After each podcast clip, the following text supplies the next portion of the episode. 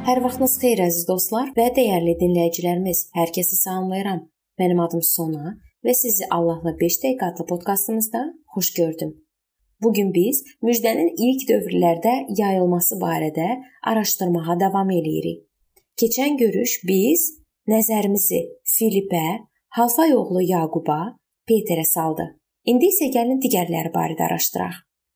Paul Rəvayətə görə Paul Neyron tərəfindən elə həmin təqiblər zamanı 60-cı illərin ortalarında boynu vurulmaqla qətlə yetirilib. Paul və Peterin edam metodunun fərqli olmasının aydın tarixi səbəbi məlumdur. Roma vətəndaşı kimi Paulun boynunu vurdular. Peter isə Roma vətəndaşı değildi.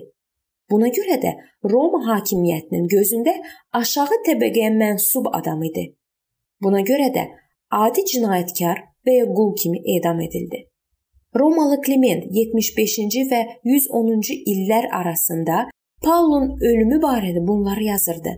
Paxıllıq və çəkişmə üzündən Paul səbir şərəfinə nail olmağının yolunu göstərdi. 7 dəfə həbsdə, bir dəfə sürgündə oldu. Həm şərqdə, həm də qərbdə müjdəni yaydı. Öz imanına nəcib şöhrət qazandırdı. O bütün dünyaya salihli dərsi keçdi. Andrey Bu həvari əsasən Kiçik Asiyada, həmçinin boğazların o tayında Makedoniyada daxil olmaqla səyahət edib vəz deyirdi. Eramızın 70-ci ilində Roma hökmdarı Egey Andrey Patra şəhərində çarmıxa çəkməyi əmr etdi. 1100-cü ildə Kiyev şəhərində yaşamış bir rahib yazılı mənbələrdə göstərdi ki, Andrey 40-50-ci illərdə Kiyevin ətrafında vəz deyib. Bartalmay Bartalmay müjdəni Asiya, Hindistan və Ermənistanda vəz edirdi. Onun Ermənistandakı vəzi bir çoxlarını yerli ilahiyə sitayiş etməkdən daşındırdı. Bu isə kahinləri qəzəbləndirdi və onlar Bartalmaydan padşaha şikayət etdilər. Padşah onu ağacla döyməyi və baş ayaq vəziyyətdə çarmıxa çəkməyi, diri-diri dərisini soymağı və nəhayət boynunu vurmağı əmr etdi. Bütün bu hadisələr eramızın 70-ci illərində baş verirdi. Thomas hesab edilir ki, Thomas müjdəni Parfiya, Persiya və Hindistanda vəz edib. Hindistanın cənub-qərb hissələrində yerləşən və müqəddəs Thomasın adını daşıyan imanlar cəmiyyətləri iddia edirlər ki, həvarinin özü tərəfindən təşkil ediliblər. Daha inandırıcı rəvayətlərdə deyilir ki, həvarinin ölümünə səbəb yerli kahinlər olub. Onlar əhali arasında tərəfdarlarını itirdikləri üçün narazı idilər. Ona işgəncə verənlər əvvəlcə qızdırılmış dəmirlə bədəninə dağ basıblar. Daha sonra isə Toması sobaya atıblar.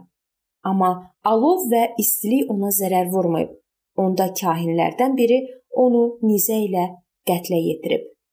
Matta müjdəni Efiopiyada yayırdı. 70-ci ildə ölkə hökmdarı onu həbs etməyi, yerə mıxlamağı və boynunu vurmağı əmr etdi. Mattaya Yahudanın yerini tutması üçün havarilər Matiyanı seçdilər. O müjdəni təbliğ edə-edə Efiopiyanın dərinliklərinə qədər səyahət etdi. Amma sonradan Yahudiya və Samariyada vəz demək üçün geri qayıtdı. Təxminən 70-ci ildə yəhudilər onu ölənədək daşqalaq etdilər. Şimon müjdəni Misirdə, Afrikada, Mavritaniyada, Liviyada və hətta Böyük Britaniyada yaydı. O 70-ci ildə Suriyada əzablı ölümünü qəbul etdi. Bu mövzunun davamını biz növbəti görüşümüzdə araşdırmağa davam eləyəcəyik.